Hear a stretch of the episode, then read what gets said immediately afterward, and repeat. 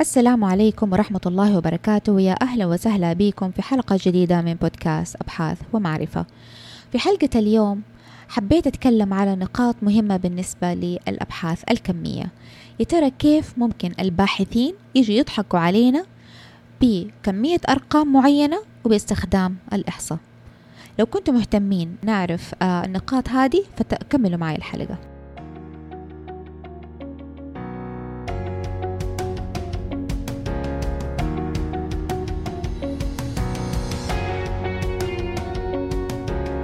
للناس اللي كلها فضول إنها تتعلم شيء جديد. الناس اللي حابة إنها تبحر وسط الصعاب عشان توصل للحقيقة إلا في آخر الطريق. ولأني زيكم أحب العلم وأستمتع بجلستي في كرسي الدراسة راح أهديكم البودكاست ده اللي يتضمن خلاصة تعريفية بالأبحاث العلمية. بودكاست علمي والأهم إنه باللغة العربية. يا أهلا وسهلا بكم في بودكاست أبحاث ومعرفة مع مشاعل ديوان.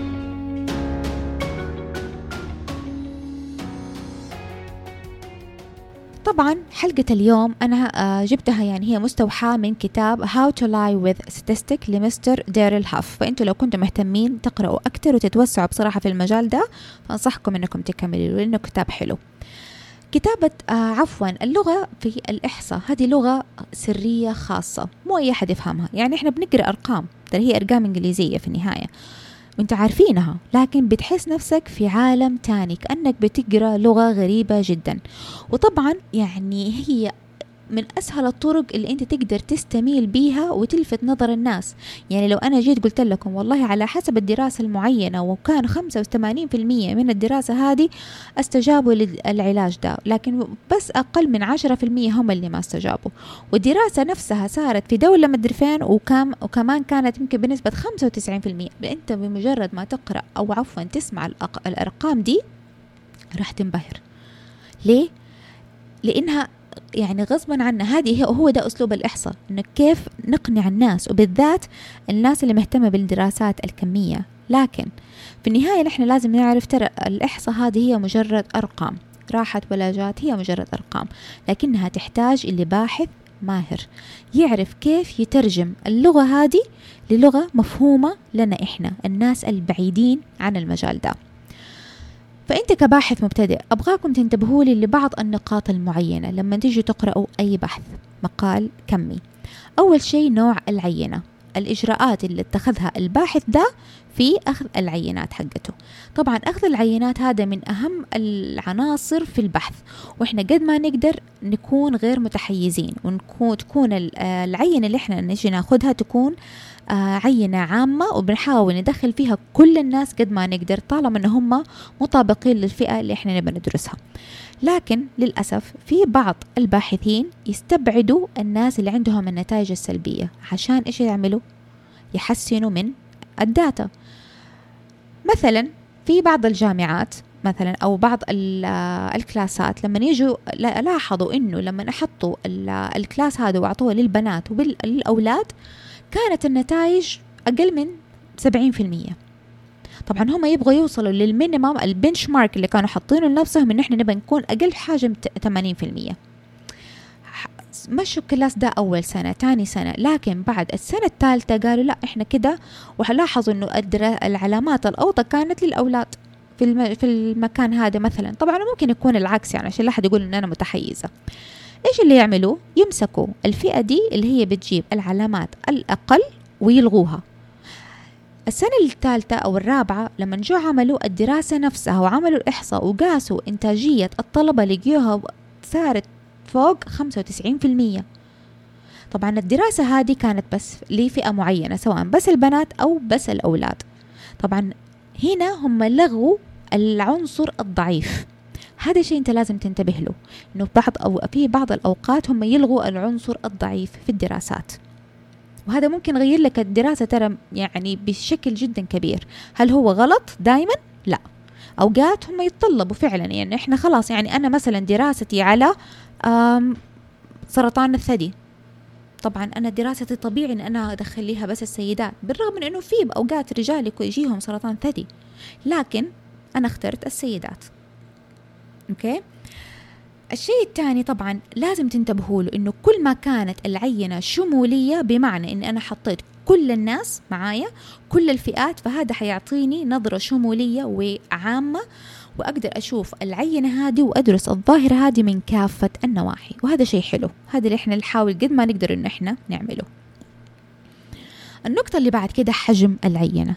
كل ما كانت العينة كبيرة بما فيه الكفاية كل ما كان أفضل. بعض الخدع اللي يتبعوها وبالذات بالذات في الدعاية والإعلان. لما نيجي يقولوا لكم والله معجون الأسنان ده 90% من طب آه، أطباء. الأسنان ينصحوا بمعجون آه، A مثلا. أوكي؟ إيش اللي يكونوا عملوا؟ أوقات يكونوا عملوا دراسة كمية بيكون عدد الأطباء اللي فيها عشرة أطباء. ويكون بس واحد فيهم اللي هو ما هو مخ... اللي هو ما يبغى مثلا يعني معترض على المعجون ده. تسعة في المية منهم عفوا تسعين في المية منهم موافقين. لكن الحجم العينة جدا صغير. مو زي لما أنا أجيب لكم مثلا سكان المملكة العربية السعودية فوق 30 مليون. لما أنا أجي أقول 90% من سكان المملكة العربية السعودية هل هي نفسها؟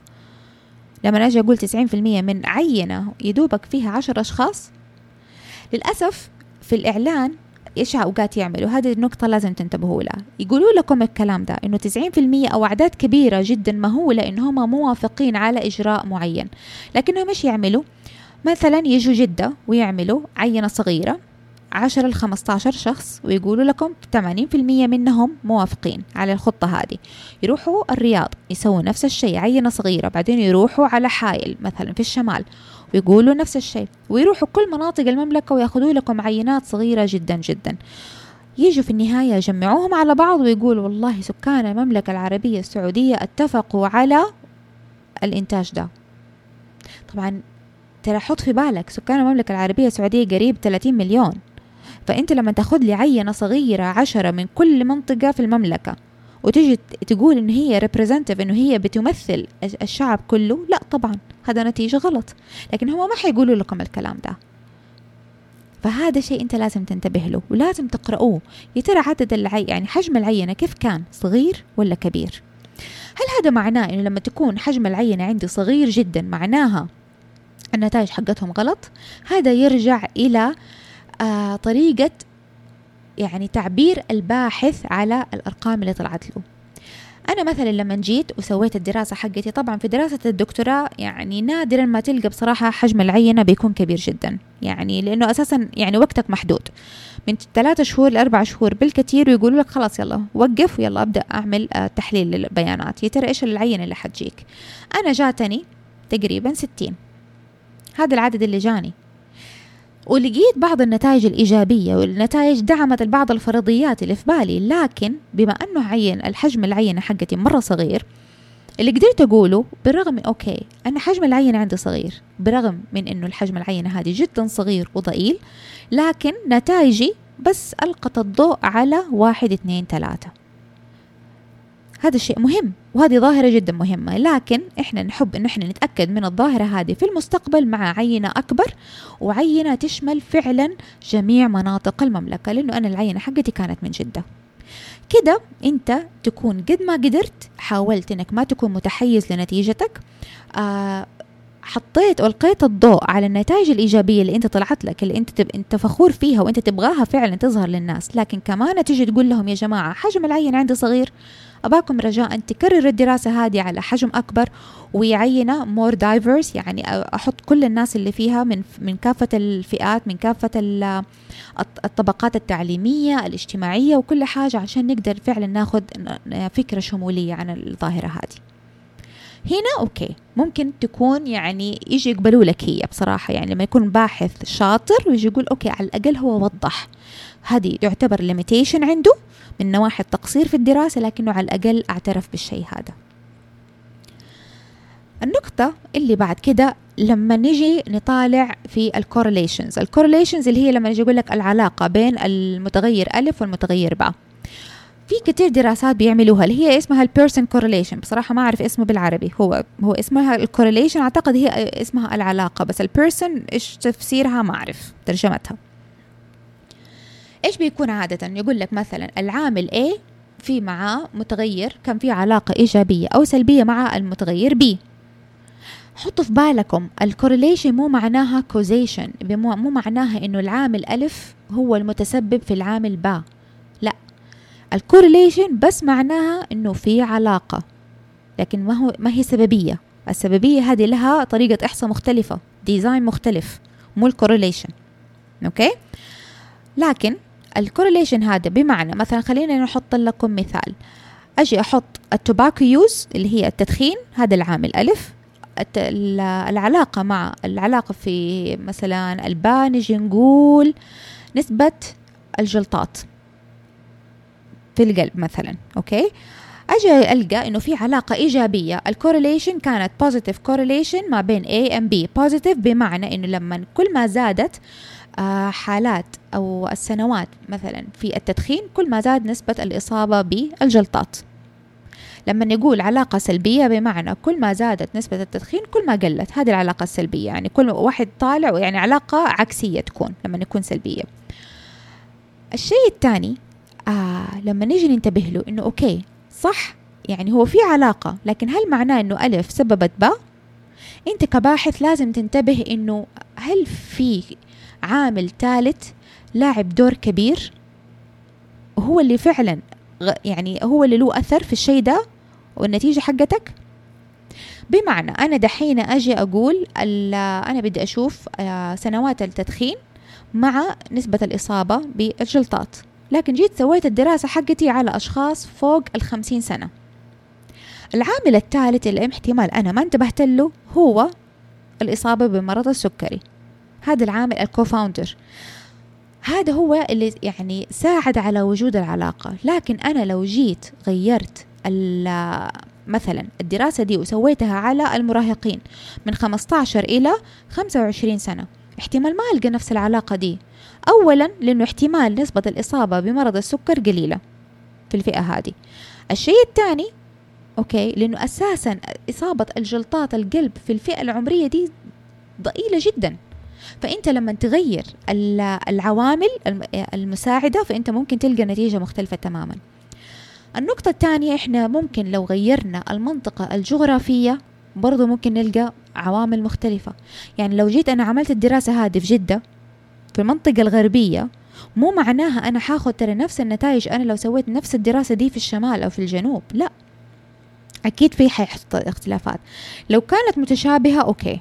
لكن لازم أحط في بالي أنا كباحث أنه في احتمال يحصل بعض الاختلافات وألقى في اختلافات آه متوقعة. okay؟ فهذه الأشياء لازم تنتبهوا لها ال confounders النقطة اللي بعدها إنه ال relation دي ال relation اللي ألقاها ال correlation بين العوامل ترى ما بتدوم. يعني أنا مو عشان سويت الدراسة هذه في عام 2019 مثلا أو 2020 لكن لما أجي على عام 2025 معناها ترى نفس العلاقة هذه حتكون. لو أنا كررت الدراسة لا مو لازم. في عوامل كثيرة ممكن تتغير. الله أعلم إيش ممكن يصير. احتمال الفئة العمرية اختلفت. احتمال الفئة الحالة الاجتماعية اختلفت. احتمال آه، نوع العلاج اللي الناس بيستخدموه اختلف. احتمال حتى التدخين. يعني يمكن زمان صح في مدخنين لكن بعد خمسة عشر سنوات يمكن صاروا مدخنين لا زالوا لكنهم بيمارسوا الرياضة بشكل أكبر. فهذا قلل من نسبة الإصابة. في عوامل كتير لازم ندرسها ولازم ننتبه لها. النقطة اللي بعد كده وهذه كتير كتير يعني بصراحة الناس ما تنتبه لها اللي هي الرسم البياني ال pie chart مثلا. لما تيجي تشوف ال graph هذا لما يجي يجيبوا لكم مثلا هي على إكس ان واي ويجي يجيبوا لكم الرسمات. والله إنه النتيجة حقتنا تحسنت من عام 2019 20 21 23 وزي كده النتيجة تحسنت. لكن لما تيجي تطالع في الرسم البياني ما تلقاه بدأ اللي هو ال X وال Y لازم يكون بادئ من صفر. ما يكون بادئ من مثلا عشرين وثلاثين. زيها زي لما تجي تقيس وزنك فوق الميزان. يا ترى هل حط تقيس وزنك ويكون الميزان عامل على سالب عشرة وسالب عش... مثلا سالب عشرة وتقول لا والله أنا وزني نزل؟ لا طبعا لازم تحطه على صفر. وبعدها تنصدم بالحقيقة المرة إذا كان وزنك زايد أو إنك تفرح إذا كان وزنك نزل. okay؟ فهذه لازم تنتبه لها في الرسم البياني. يا ترى هل هو الرسم في حاطينه على صفر إكس إن واي ولا بيضحكوا عليكم وحاطينها من أرقام مختلفة. لازم نستخدم يعني المقارنات.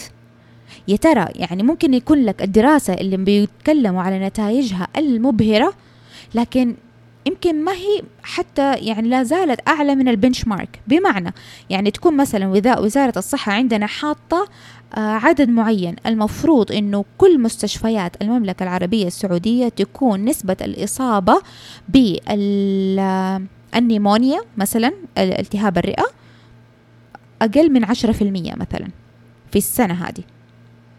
يكون okay آه أنت مثلا بتتحسن طيب يعني أنت مثلا كنت الإصابة عندك أول سنة بنسبة 40% السنة اللي بعدها أنت بنسبة 30% يعني هو okay وتجي تقول والله أنا دراستي ترى يعني العلاج اللي استخدمته والهذا ترى مرة أفضل. شوفوا كان كنا 40% نسبة إصابة ال pneumonia ودحين صرنا 30% لكن لما أنا أجي أطالع بشكل عام طب okay أنت حتى لو 30% ترى أنت لازلت أعلى من ال benchmark اللي وزارة الصحة حاطاه وزارة الصحة قالت ما تكونوا أعلى من 10% فأنتوا لازلتوا في الخط الأحمر حتى لو كنتوا تحسنتوا.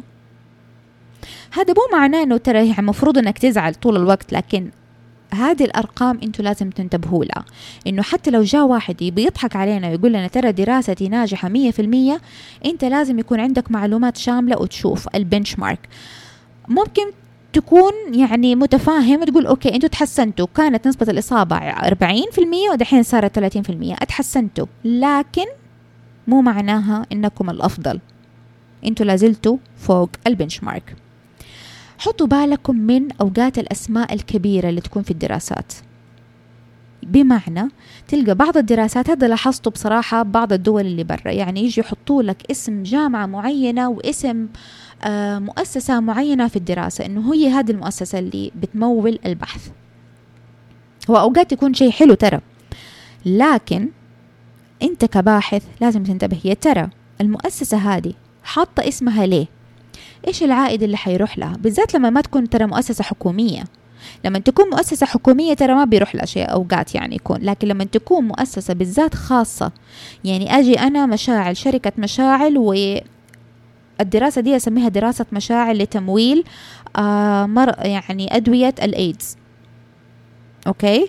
وأجي أقول لكم والله نتائج الدواء ده ترى يعني فعالة بنسبة 40% أحسن من الدواء اللي عندكم. الدواء اللي عندكم يدوبك فعال 10% لكن الدواء تبعي فعال بنسبة 40% لما أجي أنا أقول الكلام ده هل أنا قلت عشان فعلا الدواء تبعي فعال؟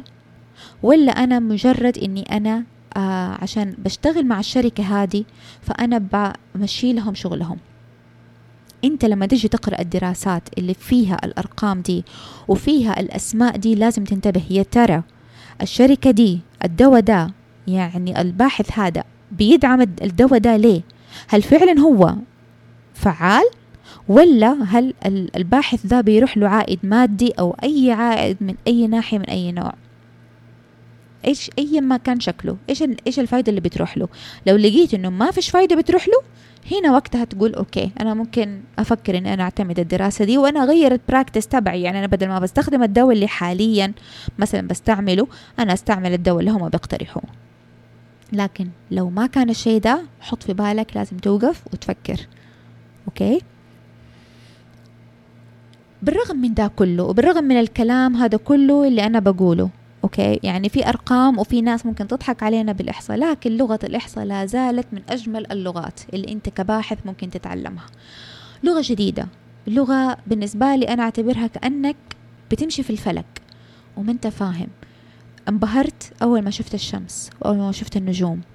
بتحاول تعرف وبتحاول تتعلم. وكل ما عرفت أكتر كل ما تكتشف إنه في شغلات كتير أنت لسه ما أنت عارفها صح ما انكر في ناس ممكن تضحك علينا. بإنه إحنا ما إحنا فاهمين مية في المية في المجال ده وأنا لازلت زيكم ترى فلا تحسبوا إنه أنا يعني يمكن أكون ممتازة في الإحصاء أنا لازلت بتعلم. لكن بالرغم من ده كله وبالرغم من انه للأسف في ناس بتستغل الإحصاء لكن أرقام الإحصاء ترى هي هذه اللي قالت لنا إنه التدخين ضار. لما نسوي دراسات واكتشفوا إنه التدخين ضار. لما نسوي دراسات واكتشفوا إنه استخدام مادة معينة بتزود الثقب في طبقة الأوزون. ترى كلها كانت إحصاء. لما دحين وزارة الصحة مثلا بيقول والله كل ما أنتوا أهملتوا مثلا في آه، غسل اليد أو في التباعد الجسدي أو أو هذا كله بيزود من نسبة الإصابة من عدد الإصابات بكورونا المستجد. هذه الأشياء لازم ننتبه لها. بالرغم من أن الناس ممكن تستغل جهلنا بالإحصاء لكن الإحصاء لا زالت لغة جميلة لازم نتعلمها. هذا طبعا لو أنتم كنتم مهتمين بالأبحاث الكمية. أتمنى تكون حلقة اليوم نالت استحسانكم ولو كانت عجبتكم فياريت أنكم تعملوا لي like و subscribe. تشتركوا في قناة ال SoundCloud Apple Podcast Google Podcast وتعطوني تعليق لأنه هذا شيء كتير حيفيدني. ولو كان عندكم أي اقتراحات فأتمنى أنكم ترسلوا لي على حسابي في تويتر أبحاث ومعرفة أو على الإيميل. research and knowledge رقم واحد gmail.com